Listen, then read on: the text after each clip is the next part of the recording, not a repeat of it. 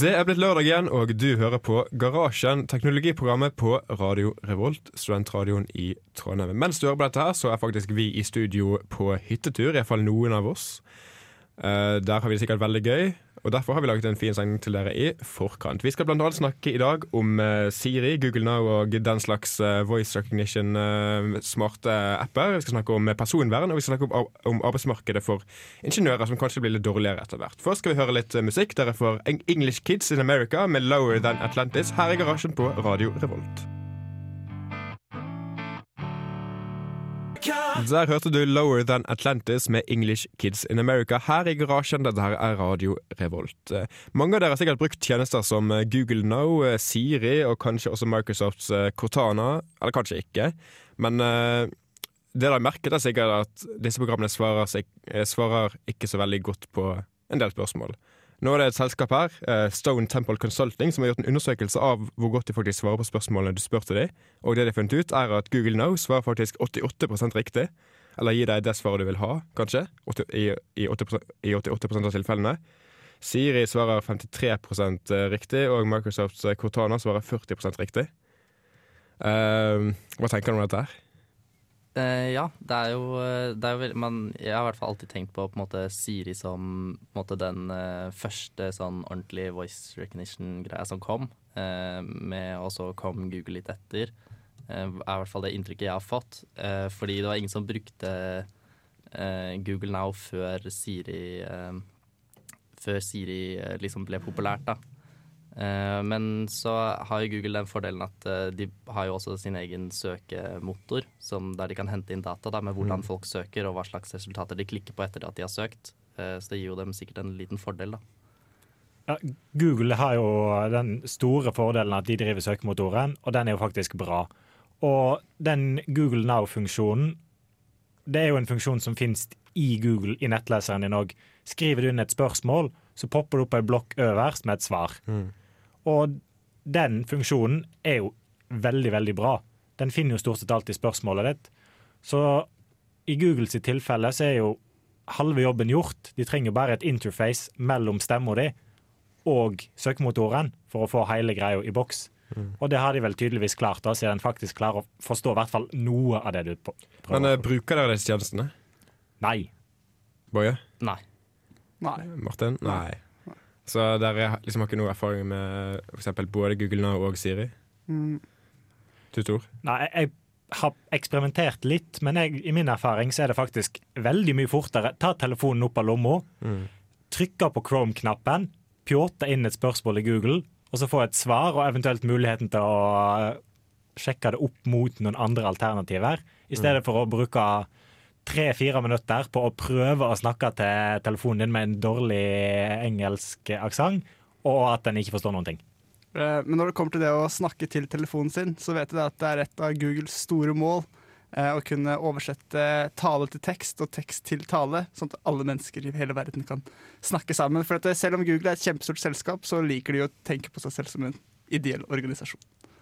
Men uh, vi skal uh, høre en uh, låt til. Dere får Verité med Echo her i garasjen. Dette her er Radio Revolt.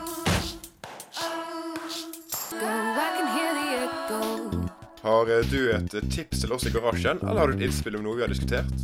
Da blir vi glade om du tar kontakt.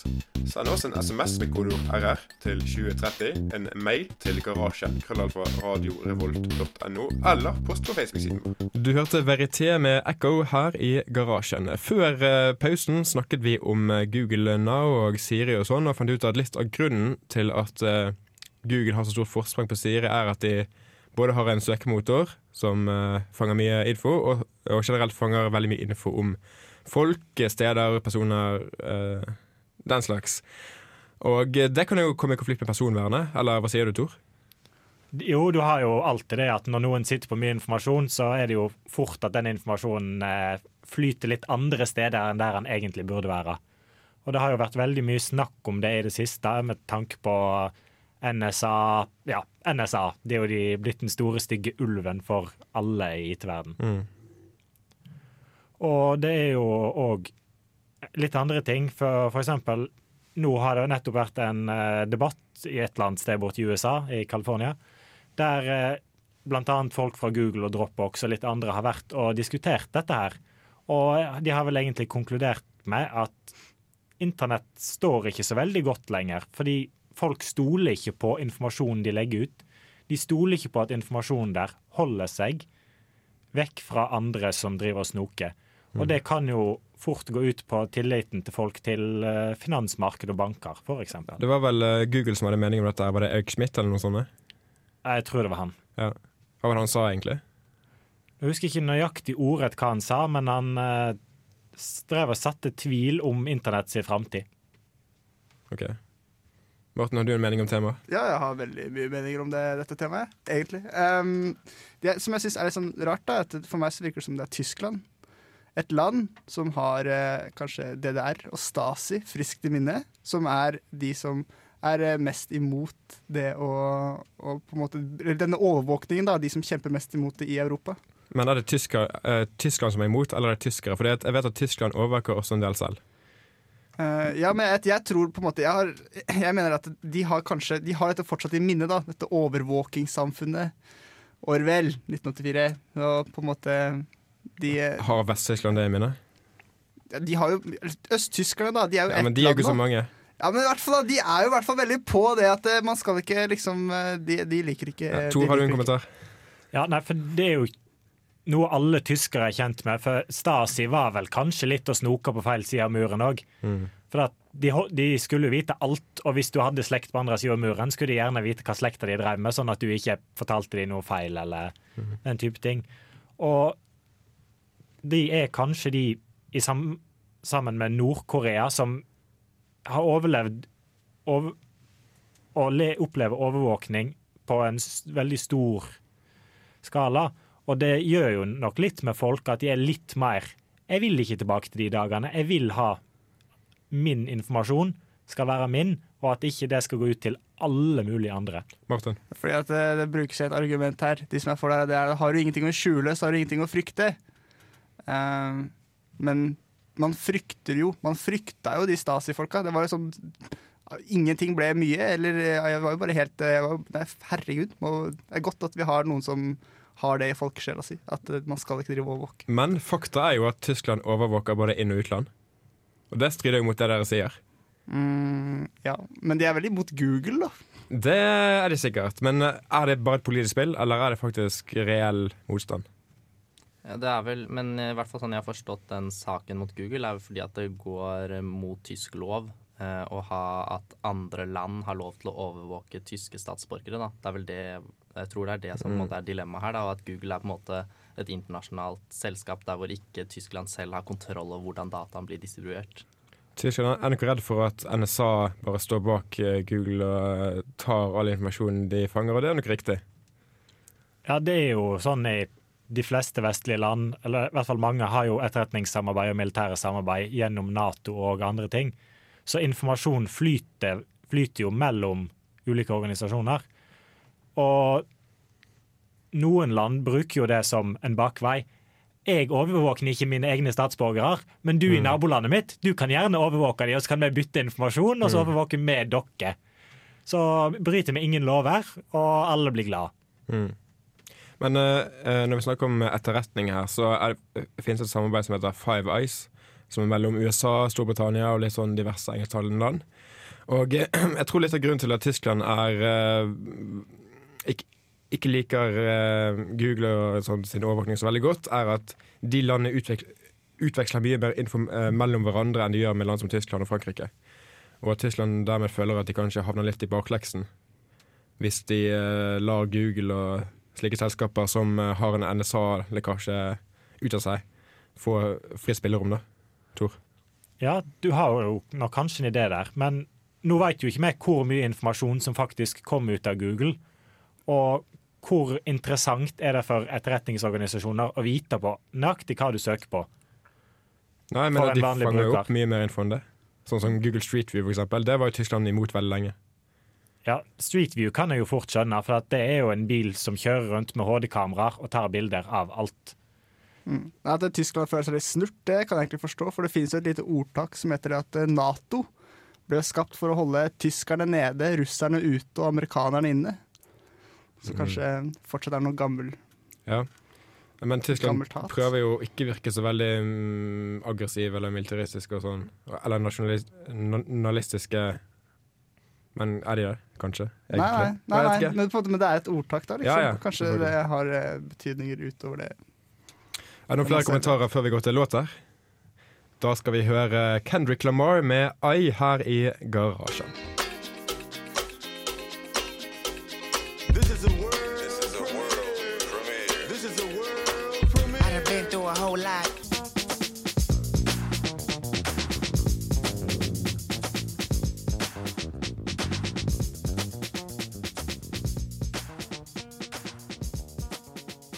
Du hørte Kendrick Lamar med I og hører fortsatt på Garasjen her i Radio Revolt.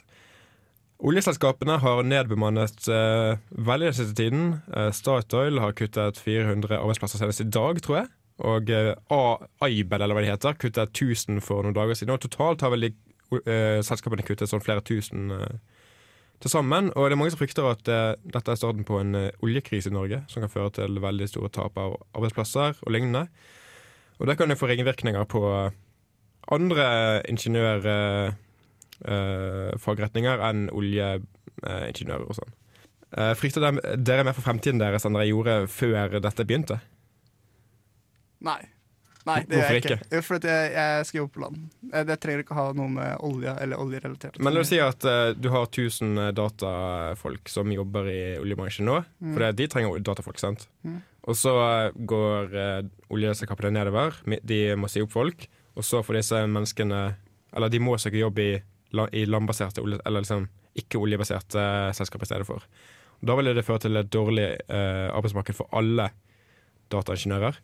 Og kan, kan ikke noe lignende skje i, din, eh, i ditt fagfelt? Uh, Er det ikke bergfolk som jobber for, for oljeselskapet? For det henger mye sammen med bygge, liksom hvor mye som bygges da eh, i, i byggebransjen. Mm. Eh, og liksom i geologien, da. Du skal f.eks. bygge tunneler og, og slike ting. Det er store prosjekter som det er eh, regjeringa eh, og Stortinget som bestemmer. Mm. Så på en måte hvor mye jobb det er, avhenger mye av viljen til investering i infrastruktur. Og den tror jeg kommer til å være veldig stor, eh, om ikke bare økende, de nærmeste 20 årene. Eh, så det, også I Norge så føler jeg sånn generelt at, det, at det, siden staten er så sterk, da, at, det, at det, hvis investeringsnivået blir litt mindre i oljeindustrien, så kommer sikkert bare staten til å pøse inn penger i et eller annet annet. Men altså, oljeindustrien er jo grunnen til at vi er så rike som vi er, i, i utgangspunktet. Ja, og liksom- har så mye mindre arbeidsledighet enn f.eks. Sverige og Danmark. Ja. Tor? Ja, men det er jo òg det spørsmålet. Hvorfor driver oljeselskapene og sier opp folk nå? Går det egentlig ned? De siste årene så har de jo faktisk funnet veldig mange store funn. De har fått nye områder å lete i. Er det naturlige nedbemanninger fordi at de rett og slett har for mye folk, eller er det en nedgang? Så vidt jeg forstår, så er det fordi oljeprisen synker, og ikke pga. noe annet. Ja, men der har du òg det at oljeprisen er jo liksom det som driver hele greia. Nå eh, skal ikke jeg påstå at jeg er gud og veit alt, men jeg tror ikke oljeprisen kommer til å synke spesielt lenge. For det driver jo og lukter krig i Midtøsten igjen. Ja, det er jo krig allerede, men uh, Ja, men det lukter amerikanske bakkestyrker. mm. Eller i hvert fall en større amerikansk involvering. Og hvis amerikanerne skal dit, så skyter oljeprisen umiddelbart til himmels, for at de kommer til å bruke mye mer, og prisene går oppover. Vi får se. Boje, har du, er, er, er du redd for din arbeidsfremtid? Nei, jeg har ikke tenkt så mye på det, egentlig. Men uh, det er jo litt uh, Det er jo alltid sånn at det er uh, ting som går opp og ned da, i forskjellige industrier som påvirker arbeidsmarkedet hele tiden. Eh, men olje er jo på en måte veldig For Norge så er det veldig stort. Da, så det gjør at uavhengig av hvordan staten velger på en måte å eh, gi innskudd i andre industrier, så gjør ikke det nødvendigvis industriene større. Da. Det gjør ikke at vi har jo på en måte en begrenset mengde industri som det er mulig å ha i landet. Eh, Så det at oljeindustrien går nedover, gjør at eh, det vil påvirke alle industriene uavhengig av pengene, på en måte, hvor mye penger det er i de forskjellige industriene. Da. Mm. og det kan jo påvirke, ja, i hvert fall jeg som går data, så kan det selvfølgelig påvirke meg, men jeg har ikke tenkt så mye på det. Kan de gi dårligere bedpresser? Kanskje? Nei, det er ikke lov, tror jeg. Ikke lov å ikke gå på kaffe? Nei, jeg, jeg tror de må da vil jo bare alle slutte å gå på bedpresser. Går ikke alle bare på bedpresser fordi de får masse mat? Ja, jeg tror kanskje forventningene var litt lavere før. Sånn at folk godtok eh, sitt mat og sånn. Jeg vet ikke. Ah, Martin?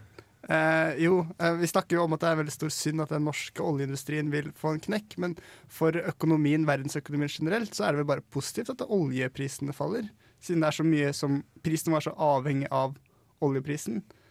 Liksom, når man skal frakte ting, når man skal eh, eh, gjøre ditt og datt. Sånn at det, at Mm. oljeprisen faller, kan vel kanskje være en positiv ting for eh, norske landbaserte industrien, ved at de får lavere kostnader. Men, Kanskje. bry- men bryr vi oss om den norske landbaserte industrien? Hvorfor skal vi ikke Det Hva skal vi leve av når oljen er ferdig, da? Uh, det kan du spørre Erna om, uh, Tor. Ja, nei, for fraktkostnader ute i verden har vært veldig billig i perioder. Senest for et par år siden. Nå vet ikke jeg nøyaktig hva prisen er nå, men da kunne du få en container med stæsj fra Asia til Norge billigere enn det koster for konteineren containeren inn i Norge. Så for norsk industrien er det nødvendigvis ikke fraktekostnader og sånt som er nødvendig og interessant, men det er det norske prisnivået som er styrt av norske skatter og avgifter, og igjen det norske lønnsnivået. Men eh, vi har sporet helt av og bør kanskje gå videre. Der skal vi høre Bishop Nehru and MF Doom her i garasjen med Darkness. World, all I'm seeing is darkness. Cruel, cruel world, all I'm seeing is darkness. You can't run, can you? All right, move off. Come on. Dere fikk høre Bishop Nehru and MF Doom, og hører fortsatt på garasjen her i Radio Revolt, studentradioen i Trondheim. Sist gang snakket vi om at Tesla kom til å lansere en eh, bil i løpet av uken, og det har de gjort. Og den er jo ganske interessant. Eh, kanskje ikke for de som håpet på en eh, sånn der eh, familiebil eh, for en vanlig nordmann, men eh, for de som vil ha en eh, kul, rask bil, så er den bra. Den har visstnok eh, Den er visstnok like rask som en McLaren, McLaren F1. eh, og har all-wheel drive, hva nå det betyr. Jeg har ikke peiling på biler, egentlig, men kanskje Tor vet. All-wheel drive er et firehjulstrekksystem. Nøyaktig hvordan det funker, er jeg litt usikker på, men han trekker på alle fire hjula på en eller annen måte. Men jeg regner med at siden det er en sportsbil, i hermetegn, så er det ikke noe difflokk eller annet som gjør at den er egnet å faktisk bruke som en firehjulstrekker. Hva er en difflokk? Det er et system for låsing av hjul sånn, og holde hastigheten igjen. Sånn, Ja. Så du bruker i nedoverbakker, sånn at hjula ikke bare skal begynne å rotere vilt. Ja, jeg kan fortelle litt mer av det. Når, du, for eksempel, når du, en bil svinger, da, så får du jo på en måte to sirkler. Så det ytterste hjulet må kjøre lenger enn det fremste hjulet, nei, enn det innerste hjulet på bilen din. Eh, og da er det sånn at når du da kjører, så er den, den differensialen den gjør da at det, det er mulig da, at hjulene kan bevege seg uavhengig av hverandre. Så når du ser en bil spinne på vinteren, så kan du ofte se det at Mm. den kun spinner på det ene hjulet. Og det er fordi at det, på det andre hjulet så har den friksjon, og på det andre hjulet så glepper den, og da overføres all kraft til det hjulet som glepper. Så difflock hadde Da, da låser du differensialen, så da går begge hjula okay. like, uh, like rundt. da. Uh, uh. Um, og det er sånn veldig handy i, når du kjører terreng, for da vil du på en måte ha at alle hjula skal dra like. Men det blir veldig tungt å styre. Men uh, Men er, på dekket. Altså. men er konklusjonen også at en Tesla vil ikke egne seg like godt for å kjøre i skogen? Mm, En Tesla vil jo ikke egne seg i kjø- kjøre i skogen, men det er kanskje ikke nødvendigvis pga. firehjulstrekksystemet. Det har vel kanskje mest med bakkeklaring å gjøre. Ja, ja. Godt mulig. Men en annen spennende ting ved den nye bilen er at den visstnok har autopilot. Og det er jo noe jeg syns virker litt uh, rart. For det Tesla påstår, er at hvis du sovner bak rattet, kan bilen kjøre deg hjem. Og jeg tenker at hvis den faktisk skal få til det, så må den klare å navigere seg gjennom, gjennom en by. I call Og Det virker litt usannsynlig. Tor, du har eh, cold bullshit. Eh, Har du en videre kommentar?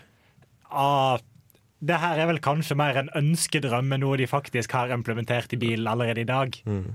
Det kan jo være at det de definerer som autopilot og får deg hjem, betyr at bilen registrerer at du sovner, og så låser rattet og mokker inn bremsene, sånn at du faktisk stopper, og noen kan komme og plukke deg opp og kjøre deg hjem. Jeg tror ikke det teller som å få deg hjem, ass.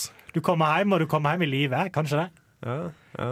Ellers er det vel mer kanskje det at de har teknologien i bilen til å motta fjernstyring, og at fjernstyringssystemene er soon to be announced eller noe tilsvarende. Det er godt mulig at jeg kan laste inn kode for det senere. Men det den skal kunne gjøre, er å svinge unna fotgjengere og sånn eh, diverse features eh, for eh, trygghet og for eh, smartere kjøring. Som en del selskaper har hatt en stund, da, men som Tesla får nå. Svinge unna fotgjengere? Eller stoppe for dem? Jeg tror de skal prøve å svinge unna hvis de liksom havner rett foran, for det, du kan ikke stoppe så raskt. Ah, ja, ok. Det er jo ikke te bare Tesla. Volvo har òg annonsert et sånt Mm. system som de har, de har jo tidligere hatt et system som skal bremse, men nå har de òg fått et system som skal se til sidene, og eventuelt vurdere om det skal prøve å svinge litt, Mm. samtidig som det bremser for å unngå hindringer. Eh, Volvo har også gjort en del forskning på eh, sånne ting. De har også en eh, sånn selvkjørings... eh, eh, et sånn forskningssenter som driver med selvkjøringseksperimenter, som Google har. Så kanskje får vi en selvkjørende Volvo om noen år. Det kan bli spennende. Men tilbake til Teslaen. Vil dere kjøpe den nye Teslaen? Vil dere ha en bil som akselererer som en McLaren F1 og kan svinge under fotgjengere? Jeg har ikke råd. Hva med deg, Tore? Har du råd? Jeg kunne godt hatt en Tesla, men da skulle jeg I hvert fall bodd i Trondheim. Jeg skulle ikke hatt en Tesla på Vestlandet. Boje, har du råd? Eh, nei, jeg, jeg har dessverre ikke råd, men eh, det virker jo veldig Det er jo eh, Jeg vet ikke om det er De prøver jo å markedsføre på en måte nå elbilen mer over som en sportsbil. Mm. Eh, og det gjør jo sikkert at det er mange flere som blir litt interessert da, i, å kjøpe elbiler, for det er jo, blir jo mye kulere enn en elbil. Eh, og det kan jo jeg vet ikke, hjelpe på, en måte på miljøet, da, hvis det blir kult å ha elbil. Martin, du kan få siste kommentarer. Ja, vi har som nordmenn nærmest et moralsk ansvar å støtte oljeindustrien litt, så vi bør jo egentlig kjøre bensin. For å få tilbake arbeidsplassene. Ja. Ha mer! Vi lar det være siste ordet for denne gang. Dere skal få Har and Hartberg med blå matematikk her i garasjen. Dette er Radio Revolt.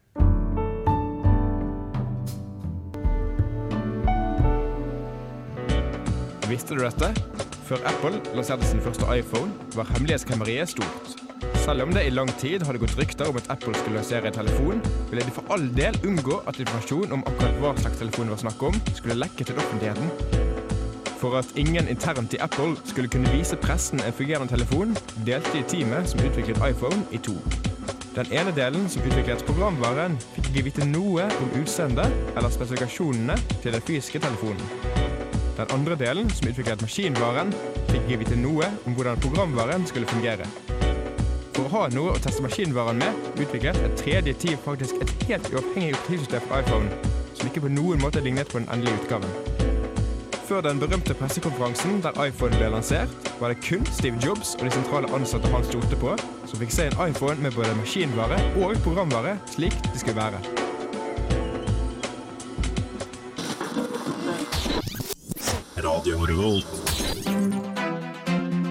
Garasjen gir deg ukens teknologinyheter. Som Signe sier, det er tid for nyhetsoppsummering i garasjen med de nyhetene vi ikke dedikerte en, et helt stikk til.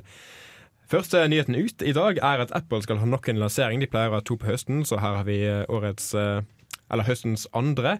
Og eh, de har sendt, ut- en invitasjon med teksten 'It's been way too long'. Veldig mystisk. Hva tror dere, Tor, for eksempel? iPod Classic kommer tilbake. Etter fire uker ute av markedet? Ja. Det hadde overrasket ganske mange, tror jeg. Men det er jo bare et spørsmål om tid før iPod Classic kommer tilbake, for det er jo en av storselgerne til Apple. Av, jeg tipper grunnen til at de slutta å selge den, var at de vil at folk skal kjøpe iPhone i stedet. For at den har de samme funksjonene. Men de har jo iPod Touch. Finnes ikke den fortsatt? Jeg kan godt være, men den jo helt hvem vil ha den? Det funker jo helt fin. Det er jo en Fint. grunn til å kjøpe iPod Classic, at du får den der gode, gamle klumpen med stål som tåler masse juling og har god batteritid, Mhm. og som ikke har noe touchskjerm som blir ødelagt bare du stirrer på den sidelengs. Hva tror dere? Eh, jeg tror ikke iPod Classic. Eh, men eh, ja, det, det kunne jo vært noe sånn eh, så ikke så spennende, sånn Apple TV for eksempel. Sånt. Mm. Det er jo veldig lenge siden de kom med den, og det er jo et, et populært produkt. Mm. Så det er kanskje på tide med en oppdatering på den fronten. Jeg vet ikke. Det er faktisk over et år siden de lanserte Apple TV sin siste versjon. Eller noe sånt. Kanskje to år. Jeg lurer på om det er to år, ja. Det er jo faktisk ekstremt lenge. og den selger visstnok godt, så at de lanserer en ny Apple TV uh, hadde ikke vært så uventet. Hva med kanskje en ekte TV? Ja, de kunne gjort det også, men de er veldig opptatt av, eh, av eh, skjermer og sånn. De mm. jo oppdaterer til Retina-skjermer og, eh, og alt sånt. Men jeg vet ikke. Mm. Men de har jo den iMac-en, da. Og det blir jo på en måte Der får de jo TV og PC i ett, Mm. akkurat som en Apple TV. Og så kan man jo også kjøpe egentlig en uh, Apple Mini og bruke den som mediasenter. da. Den er vel er ikke så mye større enn en Apple TV, tror jeg. Nei, jeg tror det er sikkert samme dimensjoner. Ja, Det kunne jo vært en ny sånn også, da, for så vidt. Tor igjen. Ja, det er jo det der Apple TV og alle de der TV-ish-gimmickene. Jeg tror det kommer til å dabbe litt av når salget av smart-TV går opp. Så kommer de ekstra tingene du putter på TV-en for å få TV, andre TV-funksjoner til å dette litt vekk. Så i den sammenheng hadde jo eh, faktisk Apple TV vært eh, den ultimate smart-TV-en. Ja, kanskje det. Det kommer litt an på hvordan de klarer å balansere det med tech og skjermkvalitet opp mot merkevare og pris. Mm. Uh, Martin, du kan få siste kommentaren på dette. her. Hvem ser på TV? Uh, se, se deg på TV. Nei, men Apple TV-en er jo laget i hvert fall for å se på Netflix og NRK nett-TV og, og TV2 Sumo og alt sånt. da. Men det klarer jo de nye smart-TV-ene å gjøre uten Apple TV. Så hvorfor skal du da kjøpe Apple TV? Vi eh, får la være med det. Um, den andre nyheten eh, vi har her i dag, er at Snapsave, eh, som er en lagringstjeneste for Snapchat-bilder, er blitt hacket, og tusenvis, eller var det millioner, av bilder fra nordmenn menn og dansker er har lekket ut. Ca. 200 000 var det vel Dagbladet skrev. Det er ganske drøyt tall. Eh, jeg, jeg, jeg tror du hadde en kommentar på dette her, Tor. Ja, det har jeg jo, veit du. Jeg er jo kanskje ikke som kjent en lite aktiv Snapchat-bruker. Og det er delvis på den grunn at jeg ikke helt ser poenget, men det er òg fordi at du sender bilder som visstnok ikke skal lagres, som lagres på din telefon midlertidig, mottakeren sin telefon midlertidig, et par servere og noen rutere, så tar mottakeren screenshot eller noe sånt av det, og så bruker han en tredjepartsapplikasjon til det, og så tar den applikasjonen og sender et bilde hjem til serveren sin, og så ligger det plutselig veldig mange kopier av dette bildet ditt ute. Mm. Og det er et bilde du tror egentlig ingen andre enn mottakeren kommer til å se. Og så blir noen av disse her hacka, sånn som Snapsave nå har blitt. Så er masse bilder på avveier. De bildene dine er knytta opp mot brukernavnet ditt, som oftest er knyttet opp mot telefonnummeret ditt. Og så er det dette gjerne intimbilder av deg sjøl. Men for å stille et litt tab tabloid spørsmål her, er nordmenn for naive med tanke på slike nettjenester? Det virker jo sånn når det er store mengder av bilder som hackerne har gått ut og sagt at det er store mengder intimbilder, og at veldig mange av brukerne Eller nå vet jo ikke vi om hvem som er ramma, men veldig, veldig mange av Snapchat-brukerne er mindreårige. Så antageligvis så er det veldig mange bilder av mindreårige, gjerne intime, som de har sendt til vet jeg, venner og bekjente, i den tro at det er bare de som ser de som kommer til å ende opp på nettet. Og hackerne har sagt at de driver og sammenligner telefonnummer og bilder og leter etter navn, og kommer til å legge ut en søkbar database med bilder opp mot navn. Det kan jo bli drøyt, ass. Ja, da har du plutselig all den skitne oppvasken du trodde forsvant på, in forsvant på internett ute i media. Og det er jo sånn som det ga gode gamle som alle som holder på med IT egentlig kjenner til. Hvis noe først har endt opp på internett, så er det for alltid på internett. Hva tenker dere to er nordmenn for naive? Ja, det, eller det er jo Det har vært en del eh, Det var ikke så lenge siden det var uh, iCloud-greiene, der det var masse bilder som ble hacket. Uh, så det er jo litt, uh, det er litt spennende å se også hvordan, hva som kommer til å skje. Da, med, det er jo tydeligvis at eh, bilder er veldig dårlig sikret i, eh, gjennom, eh, ja, gjennom tredjepartsapplikasjoner som lagrer bilder for deg. Eh, så det er jo litt spennende, men eh, jeg vet ikke med, med Snapchat jeg vet, jeg vet liksom ikke helt eh, eh, hvor mange det er som egentlig sender så mange intime bilder av seg selv på, på Snapchat. Ja. Ja, Gjør, gjør, gjør dere det? Nei. Tor, gjør du det? Nei, jeg gjør det ikke, men jeg kjenner ganske, ganske mange som faktisk gjør det. Du kjenner mange? Ja. Ok. Ja. Eh, Martin, Ja, du sa noe. Ja, jeg, jeg kunne ut av prinsipp. Da. Da, men eh, jeg begynte å lure litt på hvem, hvilke skandaler får vi oppleve i Norge. Kanskje? Ja. Hvem, hvem blir avslørt? Hvem, eh, Men uh, jeg tror kanskje avisene kommer til å holde seg unna tror du det? skrive noe om dette her. Jeg tror det Se, liksom, selv liksom de Jeg tror det er ganske hardt mot PFU, ass. mm, ja, det er kanskje det. Så eh, Tor? det. Det kommer nok til å være litt medieblokk på å skrive ut om nøyaktig hvem sine bilder som dukker opp. Men det kommer nok som alltid når det dukker opp eh, bilder av kjente, antageligvis kjente folk på nettet i pinlige situasjoner, så kommer bildene til å draskes fram i lyset. De kjente personene kommer til å stå på TV og benekte alt. Gjerne med et bilde av seg sjøl halvnaken, fint profilert, litt på skrå i bakgrunnen. Kommer, vi- kommer vi til å få en lignende situasjon som med iCloud-lekkasjene, at uh, nettsider eh, kommer til å slette disse bildene automatisk? Og kanskje Ja, jeg vet ikke. Det kan jo godt hende, men det er jo som alltid når det her skjer. Ja, du klarer å få de fleste nettsider til å slette det automatisk, men så er det den karen som gidder, som går inn i paint, endrer én piksel, laster opp bildet på nytt, to tomler opp. Vi har snakket veldig lenge. Dere skal få James Vincent McMorrow med You Know her i garasjen.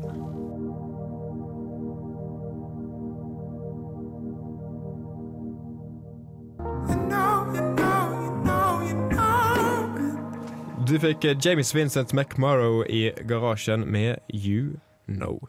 Vi fortsetter på nyhetsoppsummeringsrunden vår. Neste ut er en sykkel som uh, uh, har eh, som, som, som kanskje kommer til å slå rekorden for uh, hastighet på sykkel, for å si det sånn. Uh, Boje, du hadde en uh, Ja, det, det, det, det var du som fant saken her, så ja den, jeg syns den er veldig kul. Det, jo, det ser jo ut som en rakett.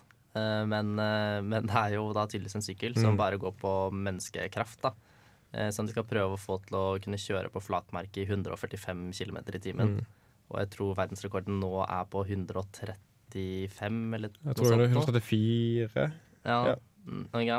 Eh, og de har vel nå fått den opp i, i 125, kanskje det var? Eller noe sånt noe. Eh, I hvert fall eh, nærme, da, så de, de jobber med å liksom tweake den til å, til å bli verdens raskeste sykkel. Da. Og det, jeg vet ikke, det er jo veldig Det er veldig kult. Jeg vet ikke helt hva det kan brukes til, men det er jo veldig kult, syns jeg. da. For den sykkelen her ser altså ut som en Ja, det er vel egentlig en sykkel inni et slags skall som ser ut som en, en romrakett, eh, inkludert eh, en eh, finne på ryggen med kanadisk flagg på. Jeg vet ikke om den beskrivelsen eh, eh, ga så mye mening. Men eh, det ser altså ikke ut som en sykkel i det hele tatt. Du snakker om at de drev og tweaka sykkelen for å få den til å gå fortere. Driver de da og jobber med e type aerodynamikk på sykkelen, eller gir de anabole steroider til syklisten?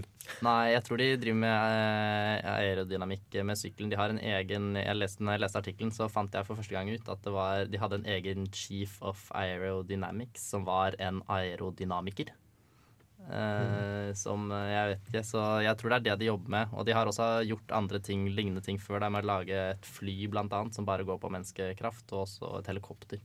Men den sykkelen her, den drives med menneskekraft når han skal nå rekorden? Ja.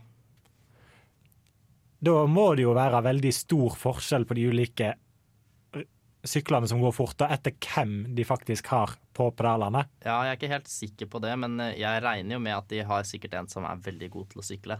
Eh, Eller, nå vet jeg ikke hvordan det drives, da, men hvis det drives som en vanlig sykkel med pedaler og sånn, så har de jo sikkert uh, folk som er veldig gode på det, da. Det fins jo sånne sykler som man kan sykle med armene, som man ror. på en måte. Kanskje man liksom må kombinere både tråkking og roing. Det ser så teit ut. Eh, jo, jo, men inni det skallet er det ingen som ser det uansett, så Men eh, hva fascinerer meg til alle sånne gamle menn som sitter og ror på sykkelen sin? Alltid bare gamle menn. Eh, Kanskje de har eh, dårlige knær eller noe. Ja, nei, ikke vet jeg. Det er en sånn kar på veiene i nærområdet hjemme som har sånn der eh, liten sykkelbil med håndgreier. Han er rett og slett trafikkfarlig. Det er en liten rød sak som er ca. 45 cm høy, som kommer susende rundt svingene i sånn 40 km i timen. Og han har et lite gult flagg som stikker opp. Jeg har prøvd å holdt på å kjøre han i hvert fall to ganger. Vi uh, hopper videre. Uh, neste nyhet er at uh, ja, er GIF på vei ut. Uh, Imgur, som er kanskje verdens største hostingside for bilder, har gått over til å bruke GIF-V, som er et nytt format som de har utviklet. Eller eh, hva? Ja, jeg tror det stemmer at det er de som har utviklet det. Det er en slags form for kompresjon av GIF som gjør det om til en MP4-videofil. Eh, som de har laget for at den skal passe veldig bra på nett. Da. Eh, fordi GIF ble jo laget i 1989 eller 6 eller et eller annet sånt noe. Eh, så det begynner å bli veldig gammelt. Eh, så derfor ønsker de at man kun, kan liksom laste opp høy Ja, altså med god kvalitet, da. mm. og giffer. Så jeg tror de fikk eh, komprimert en gif på 50 megabyte ned til ca. 2,5 megabyte. Det er ganske drøyt. Men da kommer jo spørsmålet kommer folk til å bruke det. For veldig mye av sjarmen, eller sjarmen i hermetegn, med de giffene, er jo de der sånn halvveis dårlige eh, animasjonene som gjør narr av virkeligheten. Jeg syns ikke det. Jeg syns at, at høykvalitetsgiffer er veldig fu- fu- funker veldig bra. Ja, jeg også. Jeg er jeg- på en måte litt på begge sider. Jeg syns eh, eh, GIF har på en måte en veldig stor sjarm eh, med at de er på en måte dårlige og hakkete og ja, det er på en måte en del av skjermen, men samtidig så eh, skaper det på en måte ja, kan, man jo lage mye mer da, med, med mer høyoppløselige bilder. Også I tillegg så tror jeg nå at Imgur ikke gir deg noe valg. Jeg tror de holder på å konvertere alle GIF-er på siden deres til dette formatet. Men jeg er jo helt enig i at GIF-formatet bør dø, for det er jo et ubrukelig format. Det tar masse plass og er treigt og støttes ikke av masse enheter og er bare slitsomt. Men hvorfor da lage et nytt GIF-lignende format, og ikke bare konvertere det rett til eh, MP4 eller noe sånt med lav framerate? Men i markedet for uh, GIF-erstattere så har vi også WebM, som er en litt eldre standard som vel er utviklet av Google eh, eller Mozilla eller noe sånt, Mm. som allerede støttes av uh, veldig mange sider, annet 4chan, for de som bruker det. Uh, vet du om forskjellen på de to formatene? Jeg vet at med WebM eh, eh, så har de jo litt flere muligheter. Eh, Du kan vel legge inn at du f.eks. har en ja, Nå vet jeg ikke helt. eh, Jeg fikk bare sett på eh, Sett på den GIF-V på mobilen, og da fungerte det ikke helt. Da var det bare helt mørkt, og så måtte man trykke på det, og så åpnet seg en ny fane, og så måtte man trykke på det igjen. Men men eh, jeg vet at eh, er jo en, en teknologi som er laget for å også kunne støtte liksom, en hel film. da, At, man skal kunne lagre lange videosnutter i den eh, med lyd. Det tror jeg ikke uh, GIF er. Der tror jeg ikke det er støtte for lyd, og jeg tror det er laget for å uh, lage korte, små videosnutter som spilles igjen og igjen og igjen på repeat. da, Automatisk, uten at du skal trenge å trykke på noe play eller noe sånt. Noe. Det får være siste ord for denne gang. Eh, Garasjen er faktisk ferdig for denne gangen. Eh, Vi eh, høres igjen neste lørdag. Vi har vært Trygve, Boje, Martin og eh, Tor, og gir dere helt til slutt nå Janne Hea og Torgeir Valdemar med 'Wishing Well'.